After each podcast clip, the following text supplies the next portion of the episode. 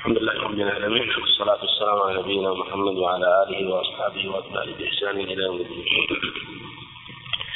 في درس الأمس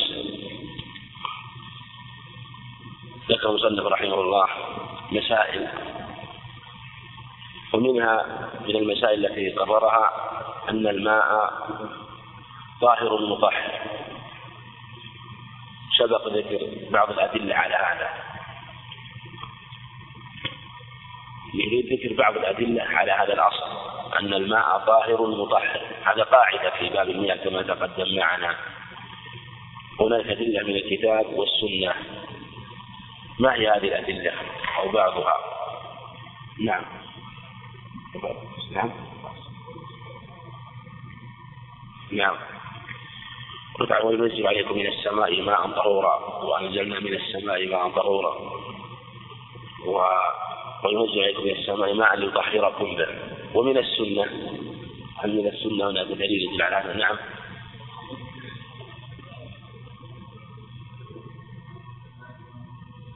نعم. أي أنه أمر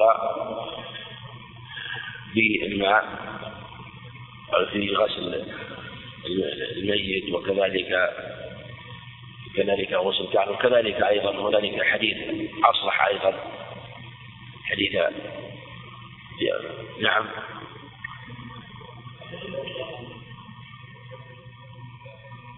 نعم. هذا كذلك. لكن هذا أيضا دليل في مسألة أخرى أيضا. يعني نعم.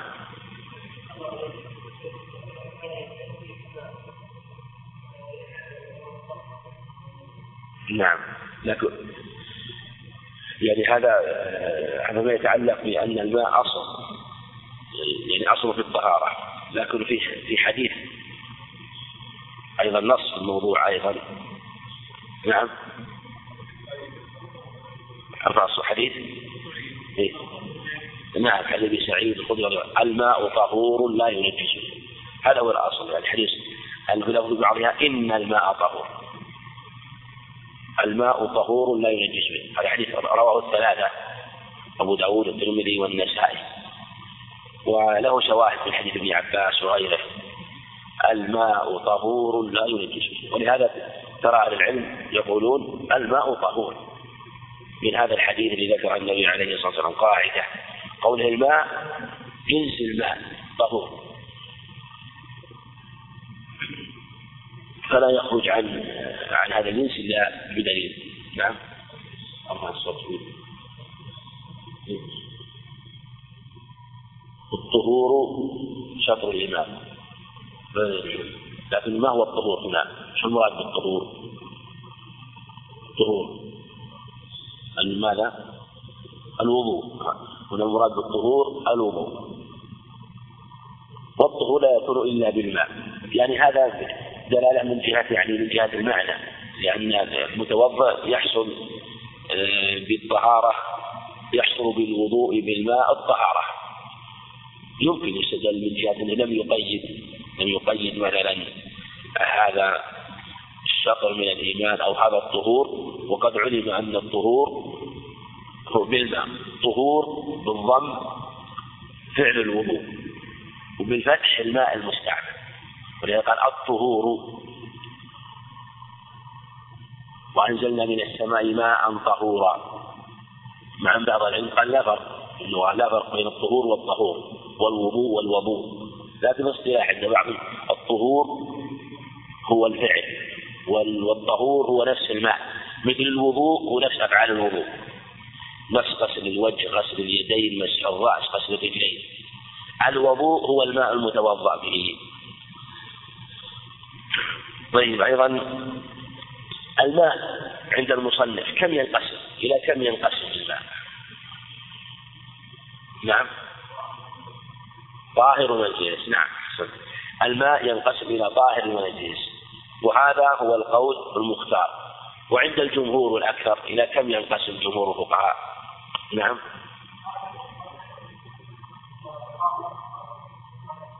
نعم ينقسم إلى ثلاثة أقسام. إلى ماء طاهر غير مطهر. وماء طهور وهو الطاهر المطهر وماء نجس والمصنف رحمه الله جرى على القول المختار الذي تشهد له الأدلة كما تقدم أن الماء اسمه طهور ونجس أو طاهر ونجس مهما ما يضر. المقصود أنه لأن إذا إذا لم يكن عندنا ماء طاهر غير مطهر. فيقول الماء طاهر ونجس فالمعنى طاهر مطهر. آه، حينما تلغي القسم الثاني طاهر غير مطهر. الماء طاهر إذا كان طاهرا آه، في هذه الحالة وأطلقت عليه اسم الماء فهو مطهر. نعم. والمصنف رحمه الله يقول لا يخرجه عن الوصف الثاني وهو قوله الماء طهور يعني عن اسم الماء المطلق. الاسم العام المطلق من المغيرات الطاهرات. والثاني ما أخرجه عن اسم الماء المطلق وغير الطاهرات. لا يخرج إلا إذا تغير اسم الماء المطلق.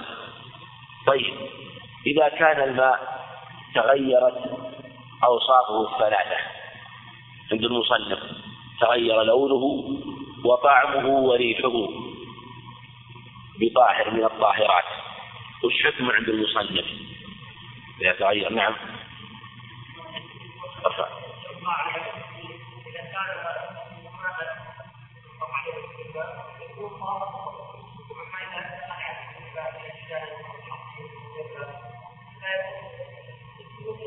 ليس ماء أحسن إيه نعم صحيح. إذا ما دام أننا لم نسلبه اسم الماء فهو ماء مهما تغير. سبق أن قلنا إن هذه القاعدة تريح طالب العلم في المياه المتغيرات. مهما وجدت الماء قد تغير فإنه يستخدم في رفع الحدث وإزالة الخبث وجميع أنواع ما يستعمل به الماء فهو ماء.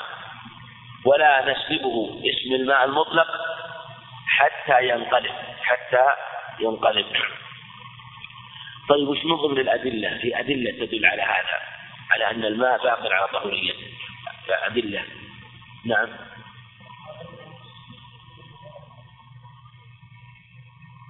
هذا يعني عندنا قسم قسم الماء قسم طاهر ونجس. هذا دليل للقاعدة ماذا للمسألة الأولى أن الماء يعني أن الماء مهما وقعت فيه نجاسة ولم تغيرها فهو إنه طاهر هذا يعني هذا دليل للأصل الأول. دليل للأصل الأول. نعم.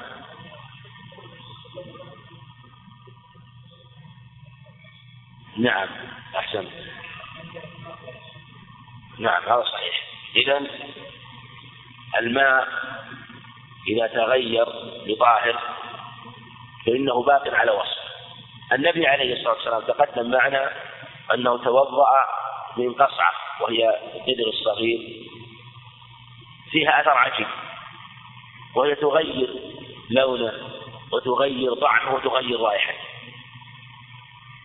وخاصة أن الماء إذا مكث فيها مدة فإنه يتغير ومع ذلك توضأ منها عليه الصلاة والسلام. أيضا دليل آخر في المسألة. دليل آخر. نعم.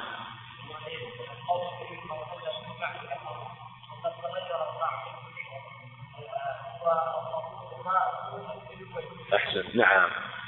النبي عليه الصلاة والسلام قال في البحر والطهور والطهور ماء والطهور ماء. الحل ميت ماء البحر طعمه متغير شديد الملوحة ومع ذلك ماء البحر ماء يرفع الحدث بالإجماع. وقلنا إن الجمهور تناقضوا في هذا الحديث. الحديث هذا دليل عليه. وحصل عندهم تناقض في هذا. ما هو وجه تناقض في هذا؟ حصل في حديث لما أورد إذا أورد عليهم هذا الحديث؟ نعم. قالوا إن هذا الماء هو الباقي على أصل خلقته. هنا أحسن إذا لما مثلا يرد عليه مثل هذا الحديث يقال طيب أنتم تقولون أن الماء إذا تغير بطاهر فإنه يسلبه الطهورية ويبقى طاهر ما يضع الحديث ماء البحر شديد الملوحة.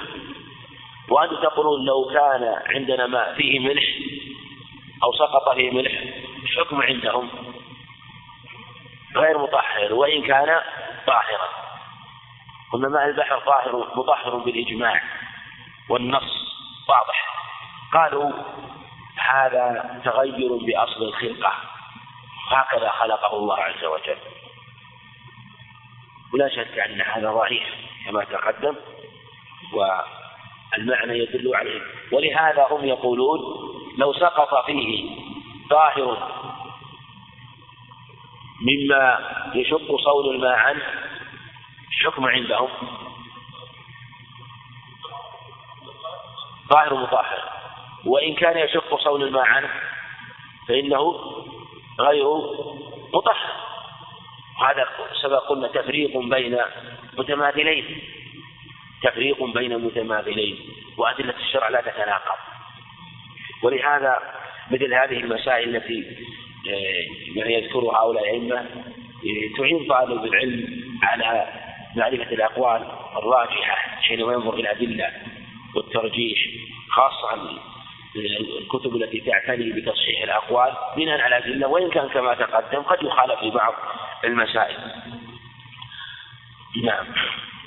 أيضا على يترتب على هذا مثل ما تقدم أنه على على أصل أن الماء طهور وأن الماء رافع للحدث أن جميع أنواع المياه ليست بنجسة حتى تتغير بنجاسة.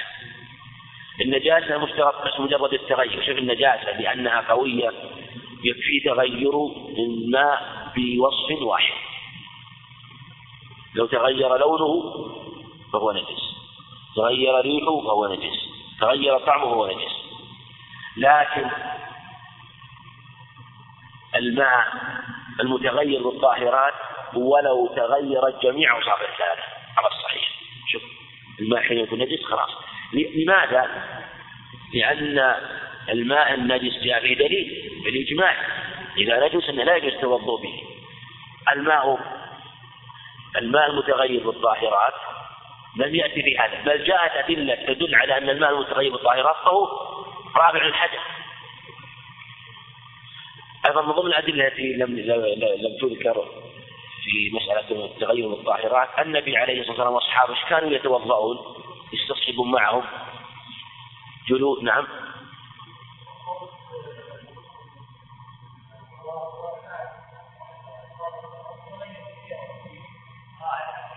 بالجلود يعني.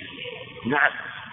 نعم الماء الذي يتوضا في الغالب يتوضأ به النبي عليه الصلاة والسلام في أسفارهم في اسقيه الأدب الجلود كان ولهذا آه، إما يتوضأ بالإداوة وهي اناء من جلد صغير أو يتوضأ من الراوية تكون يعني لعموم الجيش وعموم الركب والجلد قوي الرائحة له نفاذ ويتغير في طعم الماء. يتغير في رائحته ويتغير لونه يتغير لونه. ومع ذلك كان يتوضأ منها النبي وأصحابه عليه الصلاة والسلام وهذا لا شك دليل واضح في هذه المسألة. نبتدئ بدرسنا اليوم. وقبل ذلك حديث يعني بعض الإخوان يقترح مع إيش رأيكم؟ يقول إن الدروس يعني ثلاث مرات في اليوم الصباح بعد الفجر وبعد العصر وبعد المغرب وبعض الاخوان يقول يأتي ثلاث مرات كل يوم ويقترح انه يضم أحد الدروس إلى إلى الدرس الثاني تجتمع في وقتين تجتمع في وقتين حتى يتوفر عليه الطريق و يعني يكون مجيء مرة واحدة ومرتين. ما أدري شو رأي الإخوان هل ترون هذا مناسب؟ بعضهم يقول لو ضممتم درس الصبح إلى العصر وجعلتم مع المصطلح درس الصبح بعد الفجر وجعل درسا درسين بعد العصر حتى يكون مجيء مرة واحدة يعني إذا جعل درس العصر مع آه، الفقه مع المصطلح ينتهي مثلا قريب من المغرب يعني بعد السادسة ينقب على المغرب إلى الشيء يسير فيتيسر له حضور درس بعد المغرب يكون قصده إلى المسجد وإلى المكان مرة واحدة. لكن لكن هل نريد يعني رأي الإخوان أن ترونه مناسب؟ وإن الأصل بقاء على ما كان. إيش تقولون يعني؟ نعم. نعم. إيه؟ إيه نعم. نعم لو كان نعم أحسن. إذا كان أحد لا يناسبه يشير. لأن الأصل الدرس على ما هو عليه. على ما هو عليه. لكن يعني بعض الإخوان يرى هذا الشيء هذا فإن كان أحد آه، يرى أنه غير مناسب يبقى على ما عليه. ولو كان واحدا يعني. ولو كان واحدا نعم. رفع الصوت. بعد العصر. كل واحد. الأمر في هذا يسير. حسب يمكن يكون الثاني أو ممكن يكون المصطلح هو الأول على حالة درس الفقه هو الثاني لكن نريد ما أدري بقية الإخوان قال يرون هذا مناسب؟ أو تأخذ تأخذ رأي الإخوان يمكن. إيه؟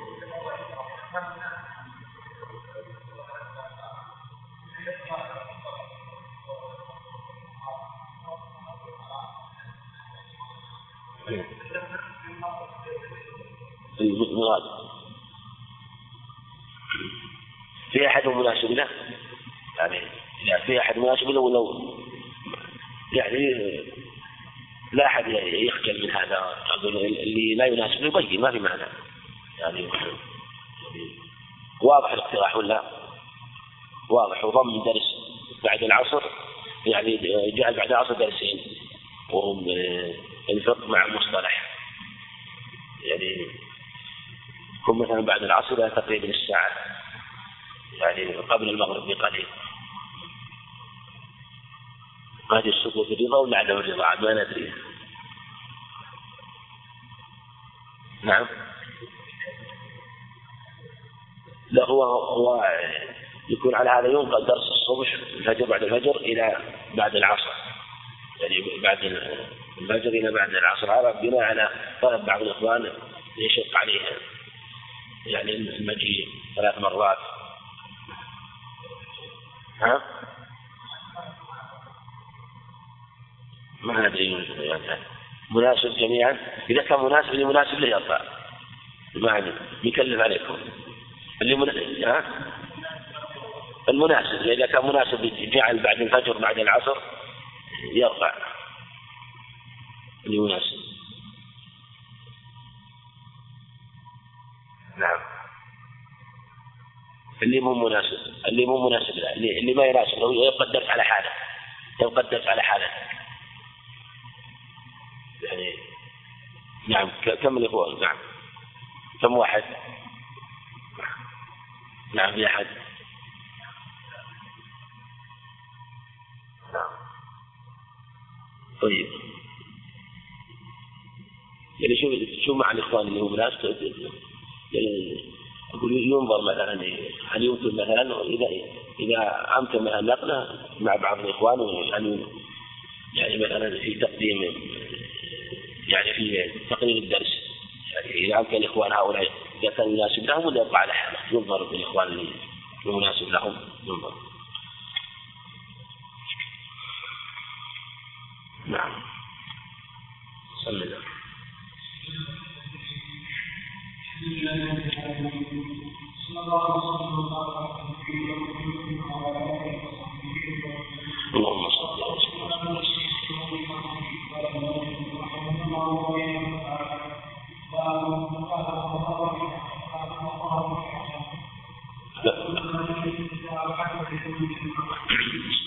الحمد لله رب العالمين والصلاة والسلام على نبينا محمد وعلى آله وأصحابه وأتباعه بإحسان إلى يوم الدين. يقول المصنف رحمه الله تعالى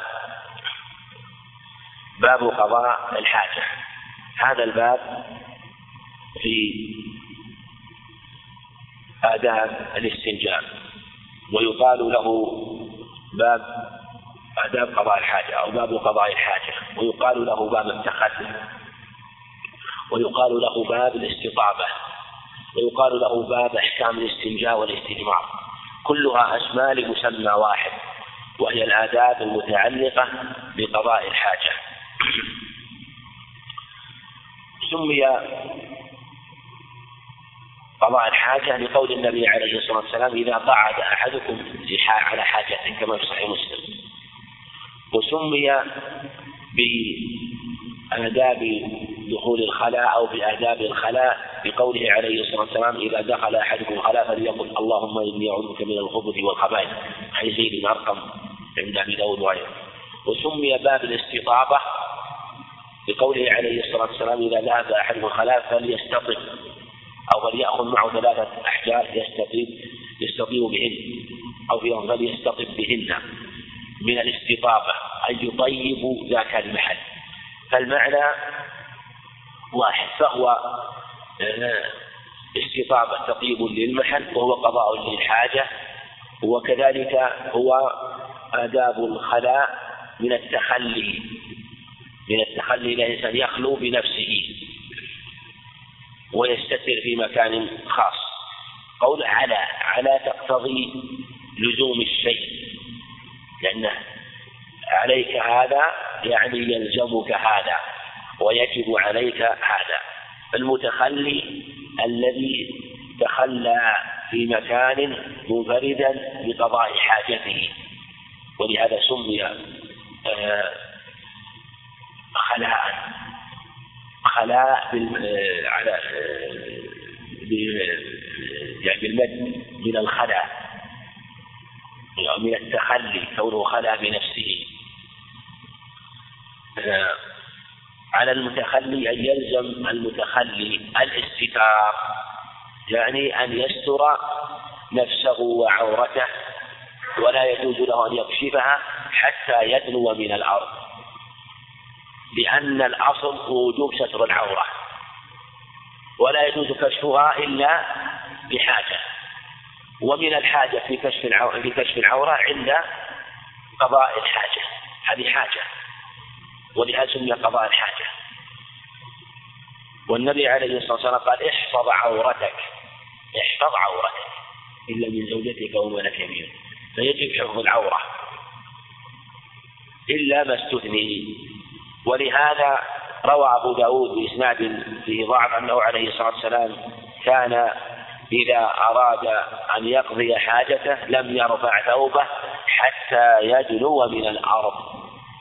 مبالغة في الاستتار ما يرفع ثوبه حتى يدنو من الأرض. نعم. بعد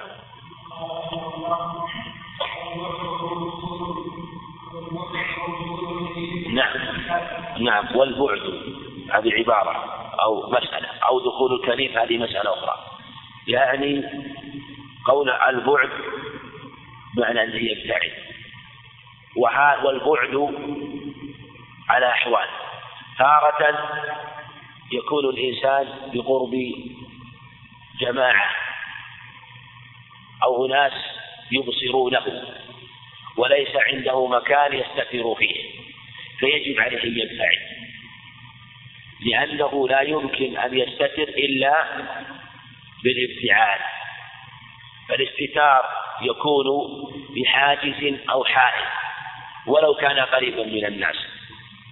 لكن إذا كان في مكان ليس فيه شيء يستره وهو مكشوف والناس قريبون منه كيف يستتر؟ بماذا؟ بالبعد حتى لا يرى. ثبت في الصحيحين من حديث المغيرة رضي الله عنه أنه كان مع النبي عليه الصلاة والسلام قال فاستتر عني في ظلام الليل. ستر عني في ظلام الليل.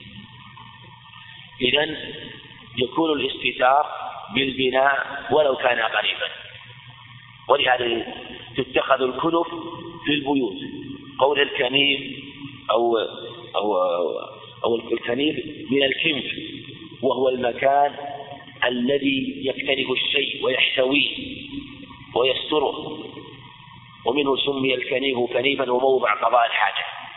فهو يستتر إما ب آه، بالكنيف وهو بعض الحاجة إن كان قريبا منه أو يستتر بالبعد أو يستتر في ظلام الليل.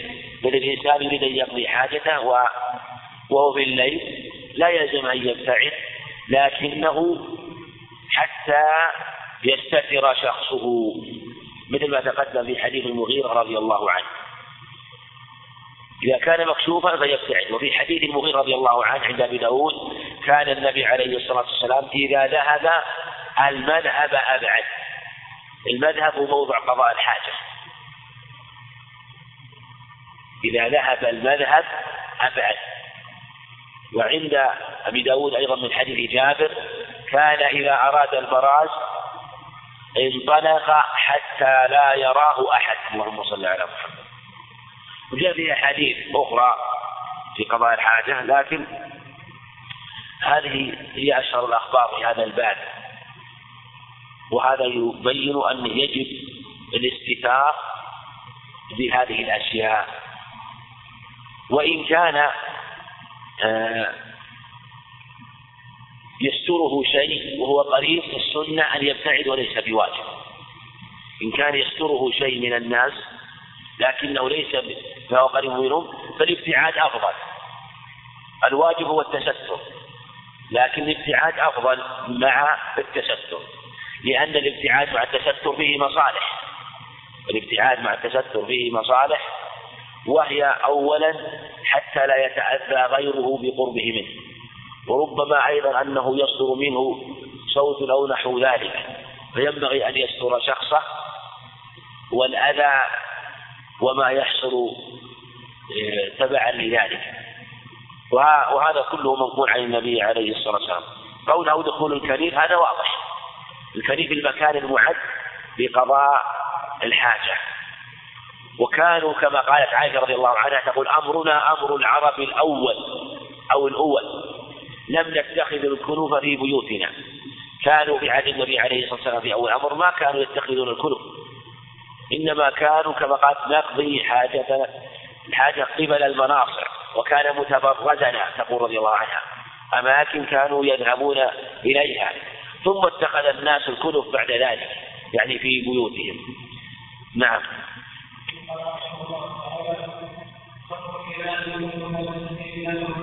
نعم. كذلك أيضا على المتخلي ترك الكلام. ظاهر النصوص أنه يجب ذلك. لا يتكلم المتخلف. وذلك أن هذا ينافي الأدب أن يتكلم وهو على حاجة. ثبت في صحيح مسلم حي ابن عمر رضي الله عنهما أن رجلا مر على النبي عليه الصلاة والسلام وهو يبول فسلم عليه فلم يرد عليه السلام عليه الصلاة والسلام. وبلفظ أنه لما ضر رد عليه. وفي لفظ آخر في الصحيح أنه عليه الصلاة والسلام مر عليه إنسان فسلم عليه فلم يرد عليه السلام ثم ذهب إلى جدار أو صدار فتيمم ثم رد عليه السلام عليه الصلاة والسلام. وعند أبي داود حديث مهاجر بن قال إني كرهت أن أذكر الله إلا وأنا على طهر. فإذا كان رد السلام وهو واجب لم يجيبه به عليه الصلاة والسلام فترك الكلام ابتداء ألزم. الكلام الواجب وهو رد السلام لم يجب به عليه الصلاة والسلام. ابتداء الكلام من باب أولى. هذا واضح الدليل في المسألة؟ يعني نقول إنه ظاهر النص لا يجوز. من جهة أنه لم يرد السلام مع أن رد السلام واجب الإجماع وإذا حييتم بتحية فحيوا بأحسن منها أو ردوها. ورد في حديث حديث جابر وأبي هريرة وحديث سعيد الخدري على خلاف بعض الألفاظ لا يذهب الرجلان يضربان الغائب يحدث أحدهما صاحبه فإن الله يمقت على ذلك. وروى أبو داود والبزار على خلاف في بعض ألفاظه في ثبوته. فإن الله قول فإن الله يمقت المقت هو أشد الغضب. أشد الغضب. ولا شك أنه ينافي الأدب. وجمع من أهل العلم وظاهر كلام المصنف أنه لا يجوز. بل يمسك عن الكلام. لكن لو احتاج للكلام إيش نقول؟ لو احتاج للكلام نعم. يكون من باب الحاجة يكون من باب الحاجة والحاجة قد تستثنى لو احتاج أن يتكلم أو أن يتحدث لا بأس بذلك لكن لو كان يغتسل الإنسان هل يجوز الكلام حال اغتسال ولا ما يجوز؟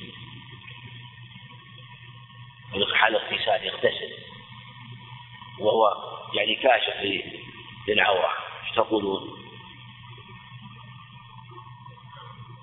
نعم. الرأس يجوز. نعم. في جواب آخر. نعم. إذا كان. إيه. نعم. تقول يعني إذا كان مكان موكب قضاء حاجة. يعني يعني يمنع. يعني.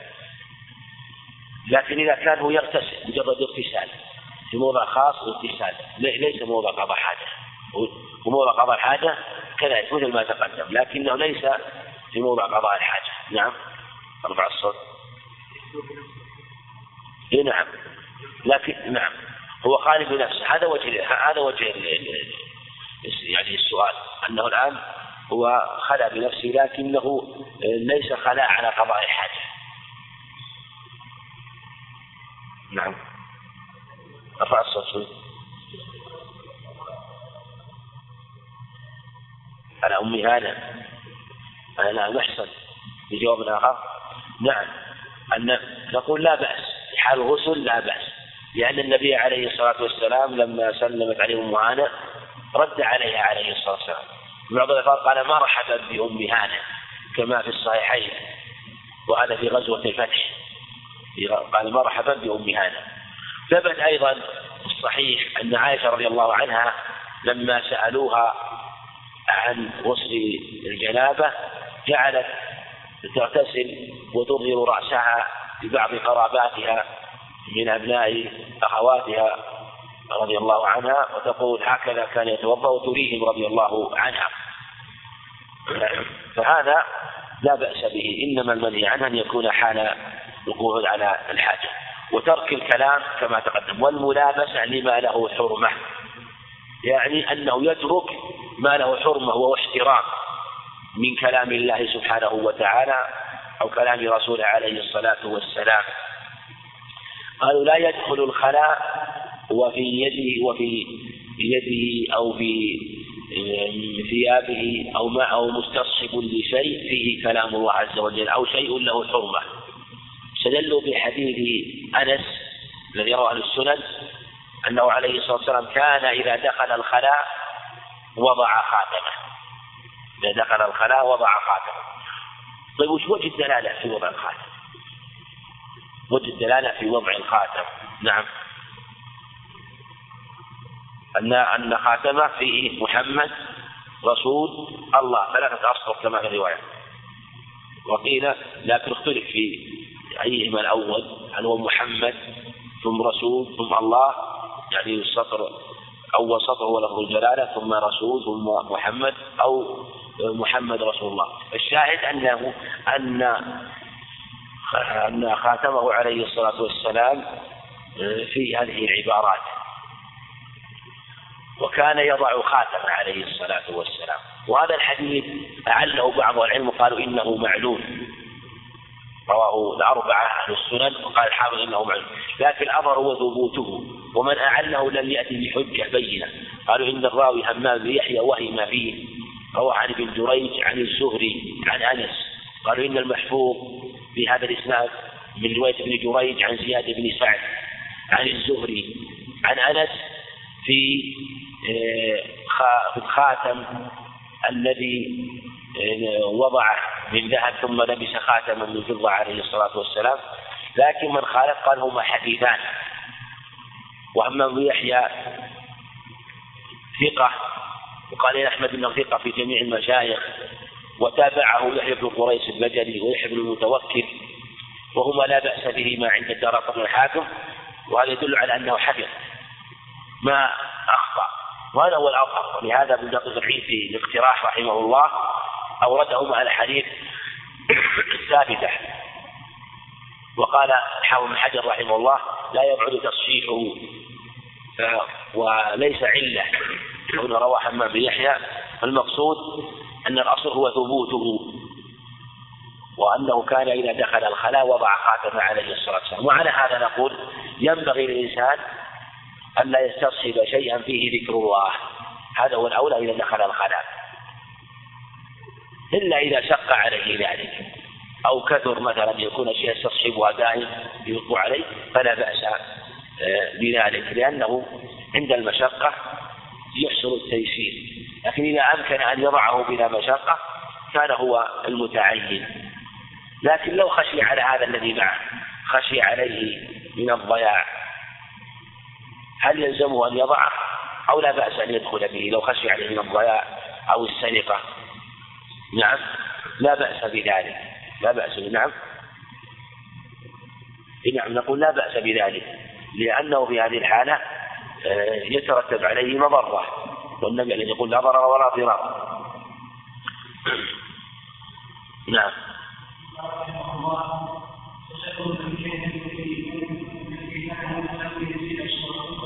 نعم. وتجنب الأمكنة نعم. كذلك أيضا مما على المتخلي تجنب الأمكنة التي منع التي منع الشارع منها. والأمكنة جاءت في النصوص. هنالك أمكنة خاصة منع الشارع من التخلي فيها.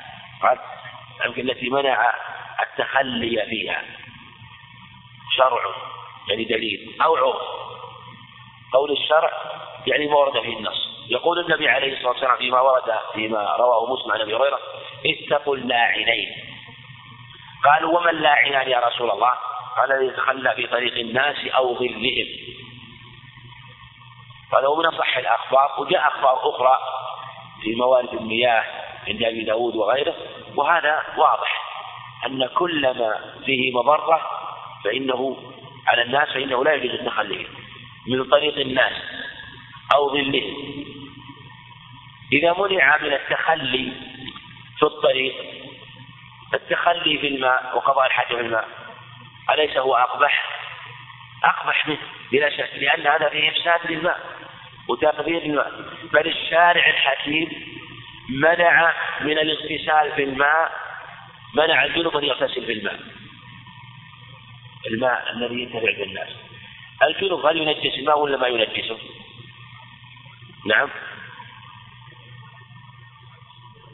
الجنوب هل هل ينجس الماء ولا ما ينجسه؟ لا ينجس طيب لماذا منع الشارع؟ منه؟ لماذا منع الشارع من الجنوب أن يتخلى في الماء وهو جنوب؟ نعم. نعم أحسن لأن الناس يستقذرون. شوف هنا لو علمت أن هذا الماء يغتسل به الجنوب. إنسان بدنه ما عليه أي أذى بس مجرد جنوب الجنابة ورفع الحدث. الناس ماذا يستقذرون؟ الماء الذي وقع فيه أو اغتسل فيه اغتسل فيه من جنابة. وهذا صحيح. يستقذرون. فإذا كان منع من استعمال الماء لرفع الحدث الذي لا ينجس الماء إنما يقدره تقدير بس. فلا شك أن تنجيسه أقبح. والصحيح أن لا يجوز الاغتسال في الماء الزائد أو الماء ماء مياه البرك التي يستعملها الناس. لو كان مثلا هنا غدير مثلا أو بركة أو مجرى ماء في أي مكان في موضع يستريح فيه الناس أو يتنزه فيه الناس مكان يتنزه فيه الناس فيه ماء يشربون منه أو يستعملونه. جائز. وأراد أن يستعمله. يغتسل. إذا قلنا الجنوب لا لا يجوز له ذلك. لكن غير الجنوب الأمر فيه يسير. ولهذا قال لا يقول أن أحدكم في الماء الدائم ولا يغتسل في ملجأ. لا يقول أن أحدكم في الماء الدائم. يعني لو عندنا ماء كثير لكن ليس كالبحار. وهو ماء يشرب للناس ولو بال به إنسان ما تنفس الماء الكثير لو بال به إنسان يتنجس ولا ما يتنجس؟ ما يتنجس. ومع ذلك منع من البول فيه لماذا؟ لأنه إذا بال فيه يقدره. يقدره ولا ينجسه ومع ذلك منع الشارع الحكيم من تقديره. وهذا من باب الحفاظ على المياه والأمكنة. مجالس الناس وموارد الناس مواضع الناس التي يجلسون فيها للحديث. لا يجوز إفسادها وعلى هذا نقول الصحيح لا يجوز. قول أو عرف يعني يغني عنه شرع. يعني يغني عنه لأن الشارع ورد بمنع استعمال أو تقدير أو تنجيس الأماكن التي يستعملها الناس. وعلى هذا ما تعرف الناس عليه داخل في عموم الأدلة. يعني داخل عموم الأدلة في النهي عن تقديره وأنه لكن نجعل العرف مثلا مستقل. هذا يعني فيه حجاجة في الحقيقة. إلا يقال تعارف الناس مثلا على أن هذا المكان يستخدمونه. في على هذا يكون الأمر في هذا واسع. نعم.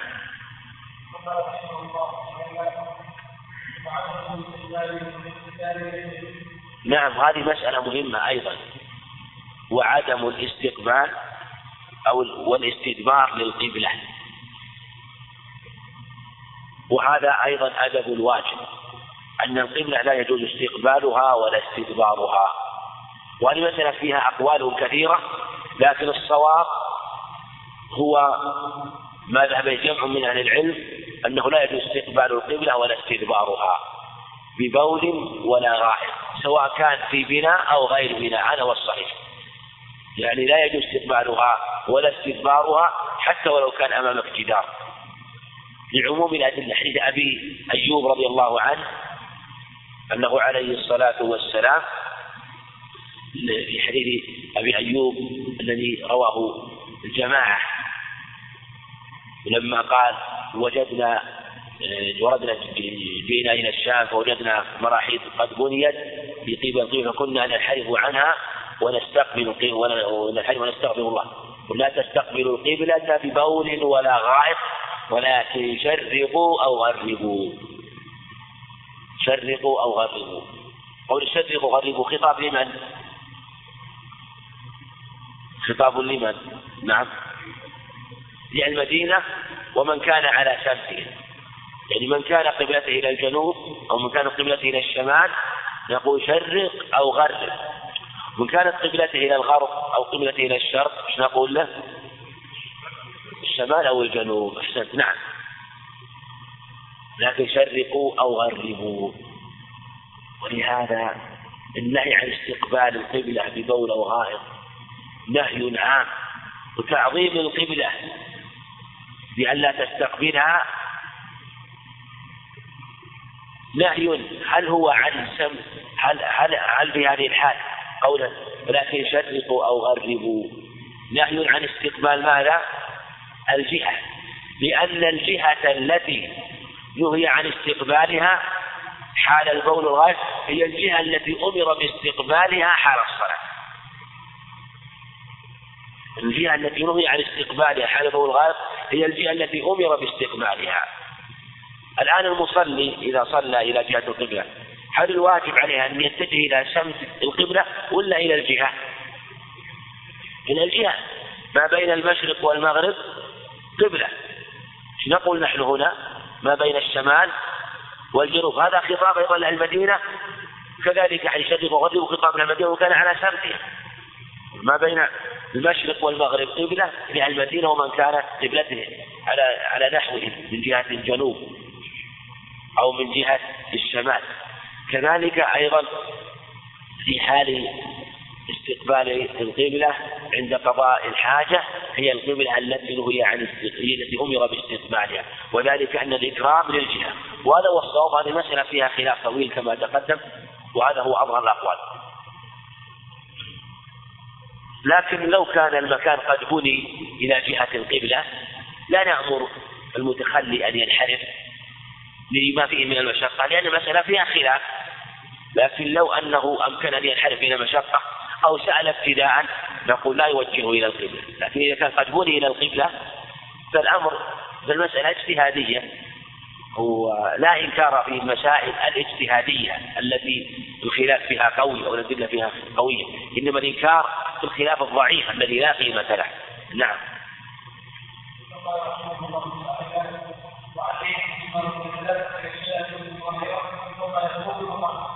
نعم. وعليه الاستجمار بثلاثة أحجار يعني يجب عليه ثبت في الأخبار أنه عليه الصلاة والسلام كما تقدم حديث في حديث سلمان وغيره أنه أمر أن يأخذ ثلاثة أحجار. إذا ذهب أحدكم إلى الخلاء إذا قعد أحدكم إلى أحدكم فليستطب بثلاثة أحجار. وإن أمر بذلك عليه الصلاة والسلام. قال الواجب ثلاثة أحجار حيث سلمان ألا نستنجي بأقل من ثلاثة أحجار أمر والأمر بالوجوب. وهذا هو الصواب. أنه يجب إذا كان الاستجمار إذا كان إزالة الأذى بالحجر أو التراب فالواجب ثلاث حفنات من تراب أو ثلاثة أحجار. ظاهرة لأن النجسة لا تزيل النجاسة لكن هل يجب ثلاثة أحجار أو يكفي حجر واحد؟ نعم.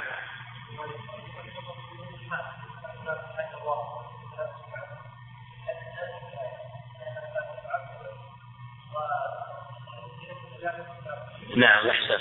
يعني المعتبر في هذا أن يمسح ثلاث مسحات كل مسحة تأتي على الموضع كاملا. كان عنده حجر كبير ومسح بجهة من جهاته ثم مسح الثانية ثم مسح الثالثة أجزاء يعني ثلاث مسحات تأتي على الموضع تماما تأتي على الموضع. كذلك أيضا لو كان مع التراب في يده كثير ومسح المسحة الأولى ثم أزال ما مسح به. ثم مسح ثانية ثم أزال ثم مسح ثالثة يجزى ولا لا؟ نقول يجزى. فالواجب أمران. الواجب في الاستنجاء ما هو أمران؟ ما هما؟ استكمال ثلاثة أحجار أو ثلاث حفنات الثاني الإنقاء. الإنقاء. يجب يجب الأمران. استكمال ثلاث مع الإنقاء فلو أنه مثلا مسح ثلاث مسحات لكن ما زال الأذى يجب عليه؟ أن يزيد رابعة. فإذا زاد رابعة السنة أن يزيد خامسة. سنة أن يزيد خامسة حتى يقطع على ماذا؟ على وتر. قول النبي عليه الصلاة والسلام من استجمر فليوتر. مستحب الإيثار لكن ليس بواجب لأنه أخبر أن ثلاثة أحجار تجزئ. تجزئ. قولا أو ما يقوم مقامها. نعم وعليه الاستجمار.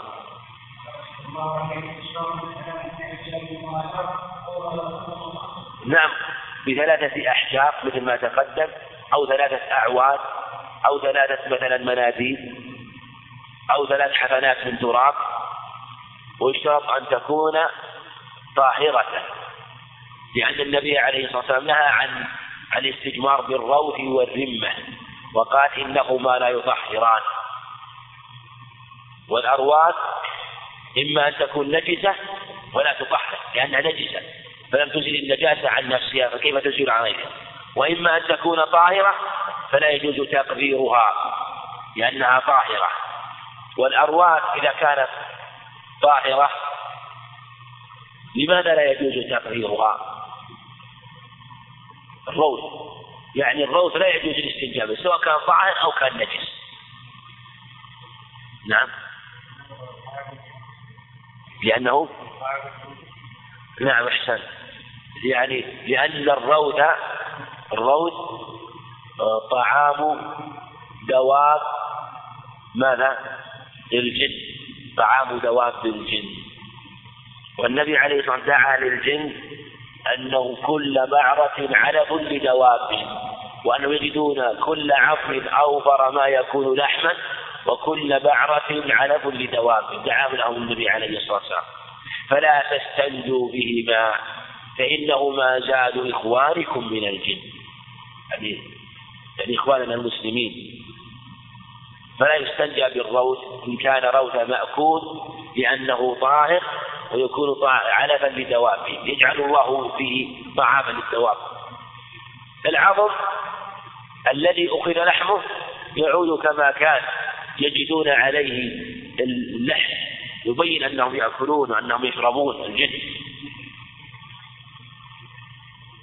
والنجس مثل ما تقدم لنجاسته أو ما يقوم مقامها مثل ما تقدم لأن المعنى معقول. يدل عليه قول النبي عليه الصلاة والسلام في صحيح مسلم بثلاثة أهل فليستطب بهن. لما ذكر ثلاث أحجار قال فليستطب بهن أو قال يستطيب بهن.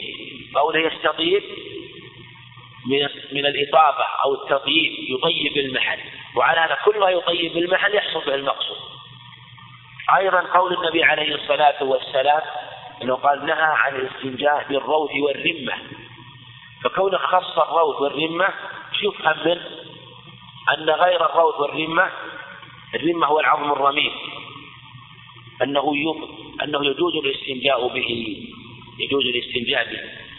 تخصيص النهي عن أشياء يدل على أن غيرها يجوز الاستنجاء به سواء كان من تراب أو أحجار أو كل ما ينشف النجاسة. نعم.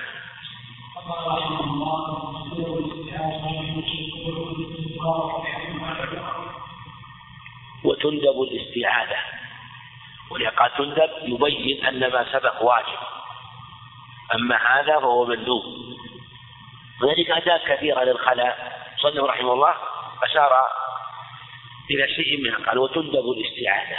يعني أنها سنة. المندوب هو المدعو. يعني أن الشارع دعا إليه وندب إليه. من قول لا يسألون أخاهم حين يندبهم إلا عبادي على ما فعل أمرانه يعني حينما يدعوهم. الشارع دعا وندب إلى هذه الأفعال والمندوب والمستحب والسنة والرغيبة والفضيلة كلها على الصحيح ألفاظ واحد. ألفاظ بمعنى المشروع غير الواجب. خلاف لمن فرق بين الأصوليين بين هذه الألفاظ. والصواب أن أنها واحد لأنها اصطلاحات متشرعة ليست اصطلاحات من الشارع. اصطلاحات متشرعة وأهل الشرع إذا لم تكن من الشارع نقول إذا عادت إلى معنى واحد فإنها فإن معناها واحد وترجع إلى أمر غير واجب فهو مندوب ومستحب. تندب الاستعاذة عند الشروع. الشروع إما أن يكون في محل خاص وهو الموضع المعدد للخلاء. الكنيف الموضع المعد للخلاء. هذا متى يستعيد؟ قبل الدخول إذا أراد الدخول. صحيحين عن أنس أنه عليه الصلاة والسلام كان إذا دخل الخلاء قال اللهم إني أعوذ بك أعوذ بك من الخبث والخبائث. وبلفظ معلق صحيح كان إذا أراد أن يدخل الخلاء قال اللهم إني أعوذ بك من الخبث. يقال الخبث والخبث والخبائث. الخبث جمع خبيث وهم ذكران الشياطين. والخبائث جمع خبيثة وهم إناثهم وقيل الخبث الشر والخبائث أهله. فالمعنى أستعيذ بك من الشر وأهله. وهذا أوسع أن يستعيذ من الشر وأهله من الشياطين وغيره لأن الخلأ هو موضع الشياطين فتندب الاستعاذة عند الشروع وكما تقدم عند إرادة الدخول إذا كان لكن إذا كان ما هناك موضع يريد يقضي حاجته في الصحراء مثلا أو في مكان ليس فيه خلأ معد متى يندب أن يقول هذا القول؟ واضح السؤال؟ متى يندب ويشرع أن يستعين إذا كان إذا لم يكن هناك موضع معد للخلاء. نعم. الرأس قبل الجلوس يعني حينما يصل إلى موضع المعد. لكن متى يقول؟ هل يقول وهو قائم وهو واقف مثلا؟ أي وهو جالس أو عنده؟ وهو قائم. نعم. يعني نعم. نعم تقول وهو الأحسن. نقول عند إرادته خلع أو نزع ثيابه. هذا هو يعني لأنه حينما يقصد المكان وينوي قضاء تكون النية مع الفعل بالنية يكون موضع خلاء ويكون موضعا معدا للأذى. ولهذا هو موضع خلاء ولهذا كان تقدم معنا في الحديث كان إذا أراد أن يقلع لم يرفع ثوبه حتى يدنو. حتى يدنو. ظاهر هذا أنه كان ما يرفع حتى يبدأ في في الدنو والجلوس عليه الصلاة والسلام في هذا الخبر قوله والاستغفار نعم. وتندب الاستعاذة.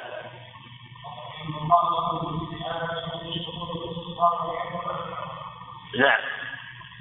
وتندب الاستعاذة وقولها آه، الاستعاذة جاء فيها أخبار جاء فيها أخبار تقدم حديث أنس من فعله عليه الصلاة والسلام. ثبت عند أبي داود أيضا بإسناد جيد أنه عليه الصلاة والسلام قال إذا دخل أحدكم خلاء فليقل أمر. اللهم إني أعوذ بك من الخبث والخبائث. ورد فيه الأمر. فتضافرت على المشروعية السنة الفعلية والسنة القولية. وجاء في الحديث آه، أيضا أنه عليه الصلاة والسلام كان إذا دخل الخلاء قال بسم الله جلت بسم الله عند سعيد المنصور ورواه المعمري أيضا في عمل يوم الليلة بلفظ القول يقول بسم الله. اللهم إني أعوذ بك من الخبث والخبائث. فجاءت التسمية وقول اللهم إني أعوذ بك من الخبث والخبائث من قوله من فعله ومن قوله. قالها أو فعلها وأمر بها. فهذا هو السن هذا هو الذي ثبت عند الدخول. التسمية قول بسم الله وقول اللهم إني أعوذ بك من الخبث والخبائث. هذا عند الدخول. والاستغفار الاستغفار ما نعم. الاستغفار هذا والحمد بعد الفراغ. نعم. والاستغفار والحمد بعد الفراغ. الاستغفار ثبت في حديث عائشة. حديث عائشة رضي الله عنها رواه السنن. حديث عائشة يوسف أبي بردة عن أبيه أبي بردة عن عائشة رضي الله عنها أنه عليه الصلاة والسلام كان إذا خرج من الخلاء قال غفرانك. غفرانك هذا مصدر. المعنى اللهم اغفر لي. المعنى اللهم اغفر لي. والإنسان حينما يدخل الخلاء يكون في حال اشتقاق وشدة. فإذا فرغ من حاجته فهي نعمة من الله عز وجل والنعمة يقصر العبد عن شكرها فناسب الاستغفار. فاستقيموا إليه واستغفروه.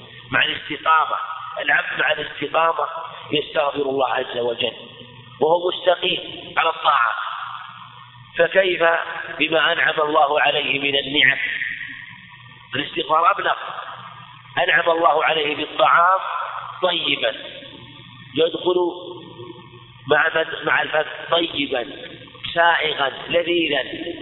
فيأخذ منه الطيب بدلا ويبقى الخبيث له مخرج. فقال الحمد لله أطعم وسقى وسوغ وجعل له مخرجا. ولهذا ندب الاستغفار لأنه يعجز عن شكر النعمة.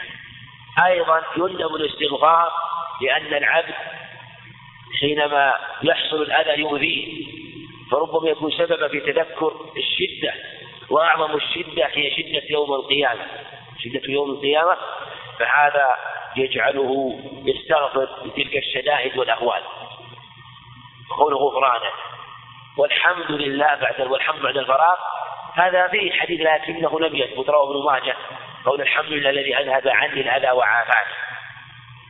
لكن الحديث لا يثبت وإن كان الحمد مشروعا على كل حال الحمد مشروع على كل حال والعبد يحمد الله يحمد الله سبحانه وتعالى في كل أحواله. لكن كونه في هذا الموضع يشرع مما يحتاج إلى دليل. والمصنف رحمه الله ربما استدل ببعض الأخبار التي لا تثبت إيه، على طريقة بعض العلم من جهة أنه ينظر في الأخبار ويقول بالنظر إلى الطرق إيه، أنه يكون جيدا. لكن هذا له شروط ولا يتفق على هذا الخبر لأنه ضعيف شديد الضعف كما تقدم. وعلى هذا المندوب هو الاستغفار أو غفرانك عند الفراغ يعني بعدما يخرج والاستعوذ بعد الدخول ومما يندب أنه يبتدئ برجله الشمال عند الدخول والخروج يكون عند رجله اليمين وهذا من السنة عند جماهير أهل العلم. نقف على هذا والله أعلم وصلى الله وسلم على نبينا محمد.